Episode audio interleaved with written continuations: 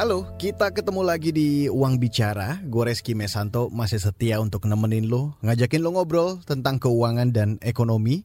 Sekaligus mudah-mudahan gue berharap bisa nambahin literasi lo semua. Sudah hampir masuk di akhir tahun, mungkin sebagian besar dari lo sudah mulai membuat plan untuk menikmati liburan. Tapi ingat ya, walaupun lu punya plan liburan, jangan sampai kendor sama yang namanya protokol kesehatan. Karena gue yakin lo, gue, dan seluruh orang di dunia pasti nggak kepingin COVID mengganas lagi. Jadi yuk bareng-bareng kita terus jaga protokol kesehatan. Anyway, di episode kali ini gue akan ngajakin lo ngobrol tentang profesi YouTuber. Bener gak sih dengan menjadi seorang YouTuber, lo akan mendapatkan uang yang banyak? Jadi expert gue kali ini adalah seorang captain pilot sekaligus seorang YouTuber. Namanya Captain Edward F. Limbong. Kalau gitu langsung aja yuk kita ngobrol tentang YouTuber di Uang Bicara. Oke, Captain Limbong, terima kasih sudah bergabung di Uang Bicara. Episode kali ini kita akan ngobrolin tentang profesi YouTuber. Nah, langsung aja pertanyaan pertama, Cap. Enak gak sih jadi YouTuber? Kan profesi saya sebenarnya seorang pilot ya. Mm-mm. YouTuber ini tadinya cuman iseng-iseng aja dibuatin oleh putri saya. Jadi sekarang begitu udah berjalan kurang lebih empat tahun ini, saya menikmati aja karena jadi banyak teman, banyak orang-orang yang tahu kita begitu. Jadi banyak bisa juga bisa bermanfaat bagi orang lain setiap saya buat konten. Kalau gitu pertanyaan yang agak lebih nakal ya dalam tanda kutip, enakan mana kalau gitu? Jadi YouTuber atau jadi pilot? Udah pasti jadi pilot lah, Oh. karena pilot itu kan memang profesi saya sudah 30 tahunan. Mhm. Kemudian sekarang ditambah lagi YouTube ini kan kalau bagi saya bukan profesi ya, ini hanya hobi saya yang bermanfaat gitu loh buat diri saya dan buat banyak orang. Berarti bisa dibilang memang tujuan awalnya dari iseng-iseng aja ya suka Betul. ngerekam dulu awalnya cuma suka ngerekam gitu aja kayak ya. Jadi saya dulu gaptek ya mas, saya nggak Mm-mm. main uh, HP dari tahun 2000 sampai 2014 itu, Mm-mm. 2013 lah. Nah saya pakai HP itu Samsung yang 5 atau Samsung yang bekas anak saya punya. Nah, terus kalau saya terbang itu, saya sering ngerekam-rekam aja buat pribadi ya. Terus kalau saya ada, kebetulan saya juga pelayanan di gereja, saya buat kalau ada khutbah di gereja itu saya rekam gitu, saya ngomong dari ketinggian segini, saya mengasih tahu ini begitu. Nah, Mhm. tiba-tiba eh, co-pilot saya itu bawa GoPro. Nah, dia di sebelah baru beli GoPro 5, dia ngerekam. Video ini saya minta sama dia sama putri saya itu buat saya gunakan di gereja saya gitu kan. Sesudah saya pakai tiba-tiba putri saya ini membuat channel YouTube dan mengupload video yang saya buat di pesawat sama co-pilot saya itu. Tiga bulan kemudian dia baru bilang, "Pak, saya buat konten buat YouTube loh." Apa tuh YouTube? Itu yang boleh saya masukin eh, video papa yang lagi terbang sama eh, Adrian waktu itu ke Singapura kalau nggak salah. Tiba-tiba dia bilang, "Wah, Pak, banyak yang nonton loh. Subscribernya udah 10 ribu. Yang nonton ada ratusan ribu. Apaan lo?" Saya bilang itu. Nanti salah. Tiba-tiba bikin video salah aturan kan saya takutnya itu kan. Nah, terus dia bilang, enggak pak ini bagus. Saya lihat videonya, oh ternyata nggak melanggar apa pun, masuk sesuai dengan prosedur kan gitu ya. Nah tiba-tiba dia bilang, pak bikin lagi pak. Udah didiemin, ah nggak mau ah saya bilang, didiemin tiga bulan. Tiga bulan dia bilang, pak bikin lagi yang nonton udah puluhan ribu dan ratusan ribu. Nah itulah permulanya bulan April tahun 2017. Ini menarik nih, seorang YouTuber yang awalnya dulu nanya YouTube itu justru YouTube apa gitu ya. Ini kalau mungkin tadi sudah sempat dijawab, tapi sebetulnya saya juga pengen bertanya dulu awal kepikiran buat channel YouTube itu kan berdasarkan putrinya Captain Iya, yang akhirnya ngebuatin dulu ya. Dulu alasan dia mau akhirnya bikin videonya terus diupload ke YouTube alasannya anaknya apa Cap? Putri saya kan kuliah, dia di Hmm. BINUS. Mm-mm. sama teman-temannya kan dia kebetulan di eh, broadcast TV di kampusnya dia dia kan Mm-mm. marketing communication Mm-mm. nah dia bikin-bikin gitu terus dia punya YouTube sendiri untuk dia kegiatannya dia dance segala macam Mm-mm. nah itulah dia bilang dia buatin buat saya itu karena dia mau profesi pilot itu kan jarang katanya makanya dia upload untuk memperkenalkan channelnya dia nebeng ke channel saya begitu kan Mm. maksudnya dia Oke, Captain Limbong, ini banyak ya banget yang bilang ya kalau jadi youtuber tuh enak, bisa cepet kaya, bisa cepet cuan lah, bisa dibilang seperti itu. Sehingga banyak anak-anak zaman sekarang tuh kalau ditanya, kalau mungkin kalau generasi saya ya, ditanya cita-citanya apa gitu. Generasi saya akan bilang cita-cita mungkin pingin jadi insinyur, pingin jadi dokter, atau kayak waktu saya kecil saya ditanya pingin jadi penyiar seperti itu. Tapi generasi setelah saya, anak-anak saya misalnya ditanya mau jadi apa? Mau jadi youtuber. Yang jadi penasaran saya memang sebegitu apa ya membuat cepat kaya cuan bener nggak sih Cap ada ungkapan seperti itu?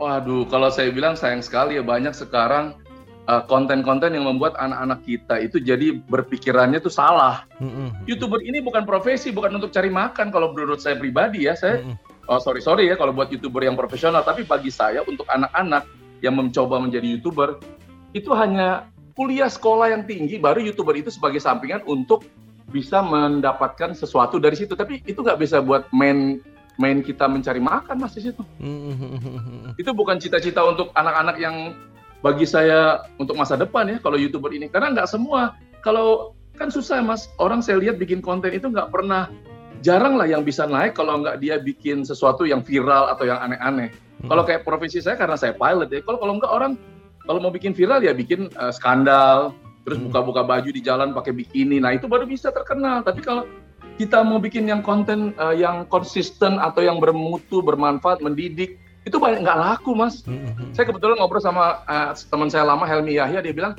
wah sayang sekali ya Cap. Ya makanya saya bilang ini bukan profesi mas, ini hanya sesuatu hal yang buat menjadi tambahan kita di masa depan untuk menambah wawasan dan menambah pengetahuan kita lah di, di bidang media, media sosial bagi saya ya. Mm-hmm.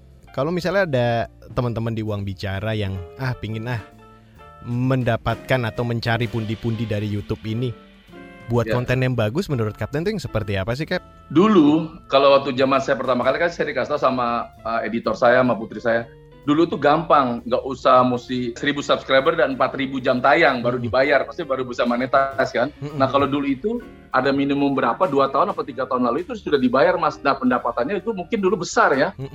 Karena kalau sekarang sangat susah kita harus ada persyaratan itu dan pendapatannya itu bukan seperti yang di social blade itu. Itu bisa dia bilang empat kali lipatnya dinaikin pendapatan kita sekarang, mas. Misalnya, let's say saya dapat satu bulan satu juta di social blade dibilang empat juta. Nah, jadi itu kalau bagi saya membuat konten sekarang agak sulit ya karena terlalu banyak orang-orang kalau nggak punya yang spesifik kontennya akan susah untuk naik.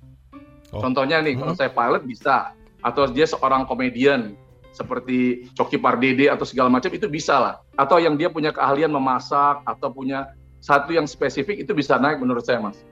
Oke, jadi harus di highlight bahwa untuk bisa menjadi seorang youtuber yang bisa menghasilkan atau cukup lah ya, ya, ya itu harus ya. mempunyai keahlian yang spesifik itu nomor satu Cap berarti ya. Nah tadi Captain sempat announce masalah monetisasi atau monetize.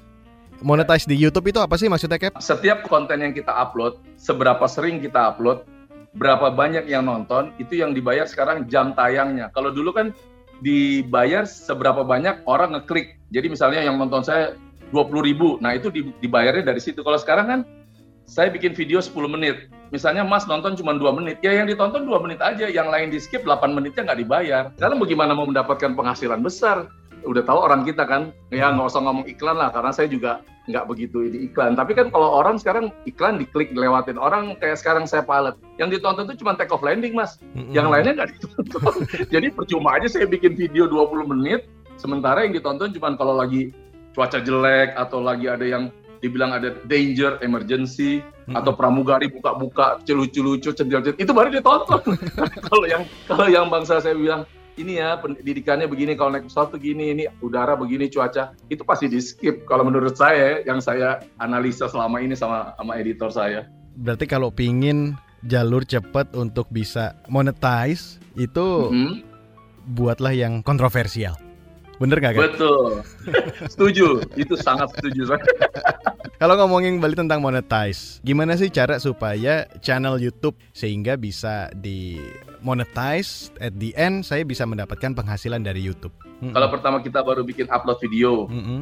terus subscribernya baru 100, 200 itu nggak akan dibayar sampai 1000 subscriber. Nah, sesudah ada 1000 subscriber itu akan dibayar kalau orang sudah menonton konten kita minimal 4000 menit kurang lebih 66 67 jam lah itu kurang lebih. Nah, itu baru kita bisa uh, daftar ke sana, nanti dari YouTube-nya dibales, dari Google dibales, dikasih email kita, dikasih rekening kita, baru nanti dia balas, oke, okay. itu baru dikasih nomor apalah dibilang sama, sama anak saya bilang nomor untuk mentransfer penghasilan kita yang didapat. Jadi harus mendapatkan paling tidak 1000 subscriber baru di ya. verified oleh pihak YouTube atau Google, baru kita bisa memulai karir di dunia YouTube seperti itu, Cap. Betul. Dan juga sekarang baru setahun terakhir atau dua tahun terakhir ini sudah dipotong pajak, bayangin nggak? sudah dapatnya dari dolar dipotong sana potong sini. Terus kalau kita masukin apa namanya itu NPWP dipotong pajak sekarang. Jadi makin kecil mas. Nggak seperti yang di social blade. Saya kan ada di social blade ada video yang membuat mm -mm. pendapatan youtuber Captain Limbong. Sebulannya ratusan juta. Bilang enak juga gue berhenti jadi pilot nih kalau ratusan juta sebulan. Gue itu dia Captain Edward F. Limbong, seorang captain pilot yang nyambi menjadi seorang YouTuber. Tadi kita udah ngobrol banyak ya tentang profesi YouTuber ini. Tapi obrolan gua nggak sampai di sini aja, karena di bagian selanjutnya Captain Limbong akan cerita kira-kira apa saja sih yang harus dipersiapkan ketika lo mulai berpikir untuk menjadi seorang YouTuber dan juga dia akan kasih tips bagaimana untuk membuat konten yang baik dan bagus di YouTube. Jadi pastiin, jangan ke mana-mana, tetap di Uang Bicara. Lo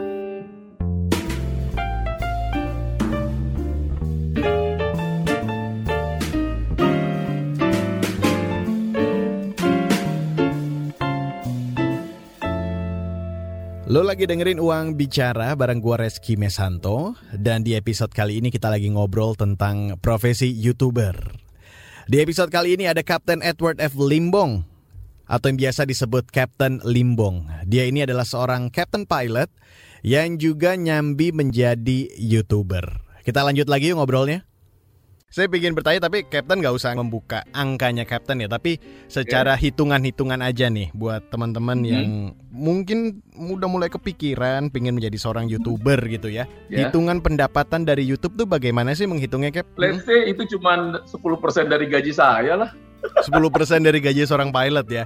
Tapi worth it gak Cap untuk misalnya dari dari penghasilan di YouTube misalnya untuk investasi kayak seorang YouTuber itu kan harus punya alat-alat seperti itu kan. Gak Atau... worth it, rugi, rugi bandar, Mas. Mm -mm.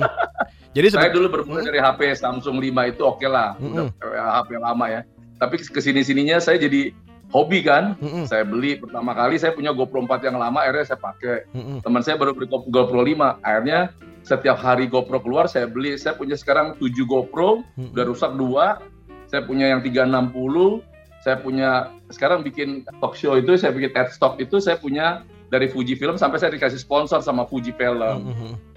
uh, kamera. Tapi jadi lebih banyak pengeluaran yang saya beli dibanding pendapatan dari YouTube. nah, oke okay, itu kalau pendapatan dari YouTube ya. Tapi saya tiba-tiba pas Captain bilang disponsorin oleh Fuji. Kalau dari sisi seorang YouTuber seperti Captain Limbong ini mencari sponsorship itu sendiri bagaimana, Cap? Nah, inilah kerjaannya putri saya juga lagi, mm -hmm. Saya sih tinggal tenang aja. Pemain utama peran utamanya saya cuma bilang, "Pak, saya udah masukin sini ada dari ini kemarin dari eh, produk-produk uh, makanan, produk uh, minuman kopi, terus tiba-tiba kamera saya Sony sama Fuji. Mm-hmm. Nah, yang Fuji tiba-tiba kurang bagus saya pakai. Anak mm-hmm. saya komplain ke Fuji.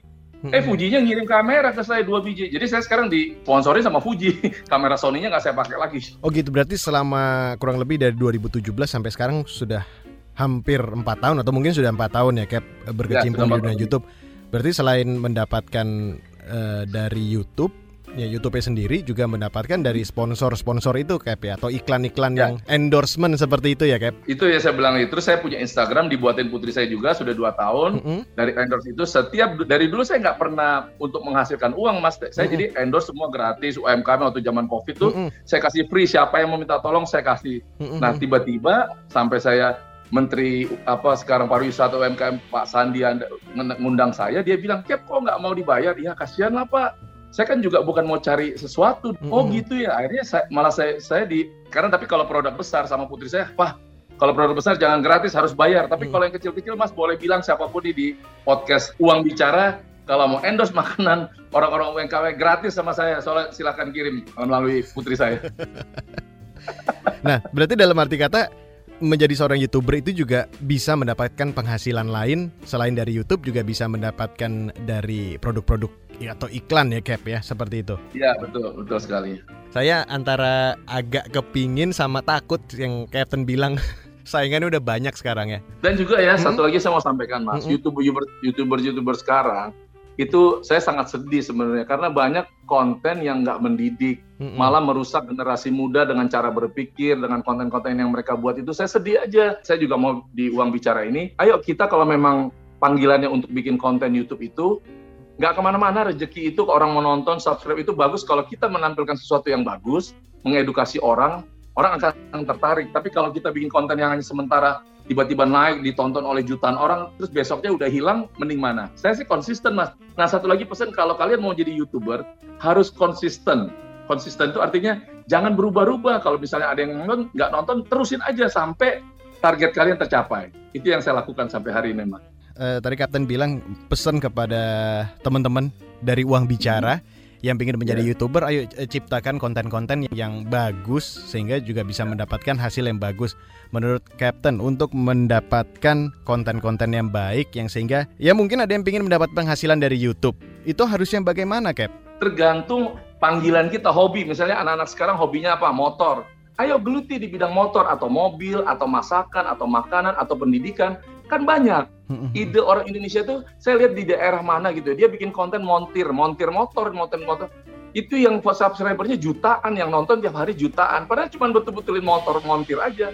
Nah itu yang maksud saya contoh yang positif untuk anak-anak sekarang bukan di kota mas di kampung-kampung. Ini kan sangat disayangkan bukan karena kita orang di kota lebih hebat berpendidikan orang-orang kaya bukan itu. Yang penting niatnya dulu apa tujuan kita apa target kita jalannya pasti ada lah. Kan Tuhan itu nggak tidur, Mas. Nah, itu kan kalau dari sisi konten. Kalau misalnya ada seorang youtuber pemula, mungkin boleh nggak Cap diceritakan buat teman-teman paling tidak kalau misalnya mau jadi youtuber apa aja sih yang harus dalam tanda kutip ya jadi modal modal awal. Pertama kali untuk kalian yang pengen jadi youtuber harus ada niatnya dulu. Terus kalian harus punya konsep YouTube apa yang akan kalian buat. Ya otomatis harus punya uh, gearnya juga ya paling nggak HP apalah nggak usah HP canggih-canggih HP yang bisa ngerekam aja. Itu udah udah cukup. Nggak usah pakai apa pencahayaan lampu nggak usah. Di jalanan pun di luar pun di kamar pun kita pakai lampu biasa itu udah bisa. Cuma itu aja modalnya mas. Nah sesudah itu baru kita bangun. Apa yang mau dibuat terus ada waktunya kapan uploadnya kapan. Nah itu harus dilakukan berapa kali sehari atau berapa kali seminggu atau setiap hari apa. Nanti orang kayak saya kan upload video kokpit itu minimal seminggu sekali. Okay. Nah baru saya buat lagi kata putri saya pak bikin ini konten ini saya buat lagi nanti bikin ini kebetulan nanti saya kalau ada simulator juga saya akan buat konten di dalam simulator contohnya seperti itu. Nah itu permulanya hanya nggak usah modal gede-gede mas modal HP yang nggak berapa lah kan sekarang tahu HP kan banyak yang murah. Menurut Kapten nih ya, tapi secara general aja. Oke. Okay. Profesi youtuber in the future kalau misalnya teman-teman menggeluti menjanjikan nggak ya. sih ke depannya Cap untuk dijadikan mata pencaharian? Menjanjikan. Karena kan ini kan udah era era media sosial, era, era teknologi bukan era Eh, nonton TV lagi, apa-apa semua orang sekarang ada di tangan di HP, baik itu di TikTok atau YouTube atau Instagram, uh, Twitter semua mas, menjanjikan sekali kalau buat saya. Karena kan banyak orang kalau dilihat sama sponsor kita bisa uh, mereka pegang untuk produk mereka pasti dilakukan mas. Nah makanya kita harus cari. Mm-hmm. Tapi kalau hanya cuman uh, bikin sesuatu yang karena meledak sekali aja, ya sebentar aja akan hilang. Saya kurang setuju youtuber yang followernya puluhan juta apa coba apa yang dilihat kan pamer harta pamer ini terus bikin kontennya bagi saya sorry sorry ya kan mas juga tahu yang saya maksud lah tapi hmm. ya sayang gitu orang Indonesia tuh yang ditonton yang begitu harusnya kalau kalian punya niat bikinlah pasti ada jalannya saya yakin banget karena saya sampai hari ini banyak youtuber pilot mereka dulu yang saya lihat sekarang udah nggak jalan lagi atau kurang kurang diurus lagi. Kalau saya konsisten mas sampai saya masih bisa buat video ini, saya akan terus buat selama saya belum pensiun ya, kurang lebih 10 tahun lagi. Kalaupun bisa saya buat terus, tapi kerinduan saya sih bikin konten yang nggak usah di pesawat lagi, tapi saya bisa bermanfaat bagi orang lain, bisa membagi pengalaman, bisa mengedukasi, bukan mengedukasi lah, membuat orang itu lebih berhasil melalui YouTube ini. Itu tujuan saya, mas. Ya. Oke, Cap, ini pertanyaan terakhir nih, Cap. Boleh nggak, Cap? kasih tips buat teman-teman yang sekarang mungkin gara-gara covid ini lagi kehilangan pekerjaan di PHK di rumah kan atau apa dan pingin mencari penghasilan dari YouTube untuk menyambung hidup. Kira-kira apa yang harus mereka lakukan, Cap? Saya bilang kalau kita mau berhasil menjadi seorang YouTuber, pertama kali kalian harus persiapkan niat kalian. Kedua, harus tahu yang sedang disukai oleh uh, masyarakat sekarang ini apa, dari golongan apa. Kalau kalian umurnya masih teenage remaja, kalian cari konten-konten untuk remaja. Tapi kalau sudah umur 30-an, itu cari konten untuk orang-orang yang sudah baru mulai bekerja, mulai mapan. Generasi yang sekarang ini, Mas, mm-hmm. yang dipersiapkan itu apa pasarnya, targetnya yang bisa orang uh, menonton yang disukai oleh orang-orang Indonesia di yang seumuran dengan kita. Itu yang saya sampaikan kalau mau bikin YouTuber yang berhasil di masa depan. Itu dia Captain Edward F. Limbong atau yang biasa disebut Captain Limbong. Lo bisa cari sendiri di YouTube.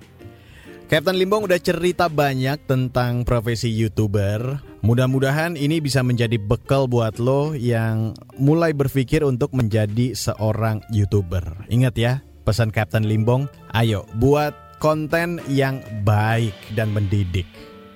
Anyway, sampai di sini dulu episode Uang Bicara kali ini. Terima kasih buat lo yang selalu setia nungguin Uang Bicara setiap hari Kamis. Buat lo yang punya kritik, saran, masukan, ataupun ide-ide yang keren untuk dibahas di Uang Bicara, jangan pernah ragu untuk kirim email ke podcast at kbrprime.id. Gue Reski Mesanto undur diri, tetap semangat, tetap produktif, dan yang paling penting adalah tetap sehat dan bahagia di tengah pandemi. Bye-bye.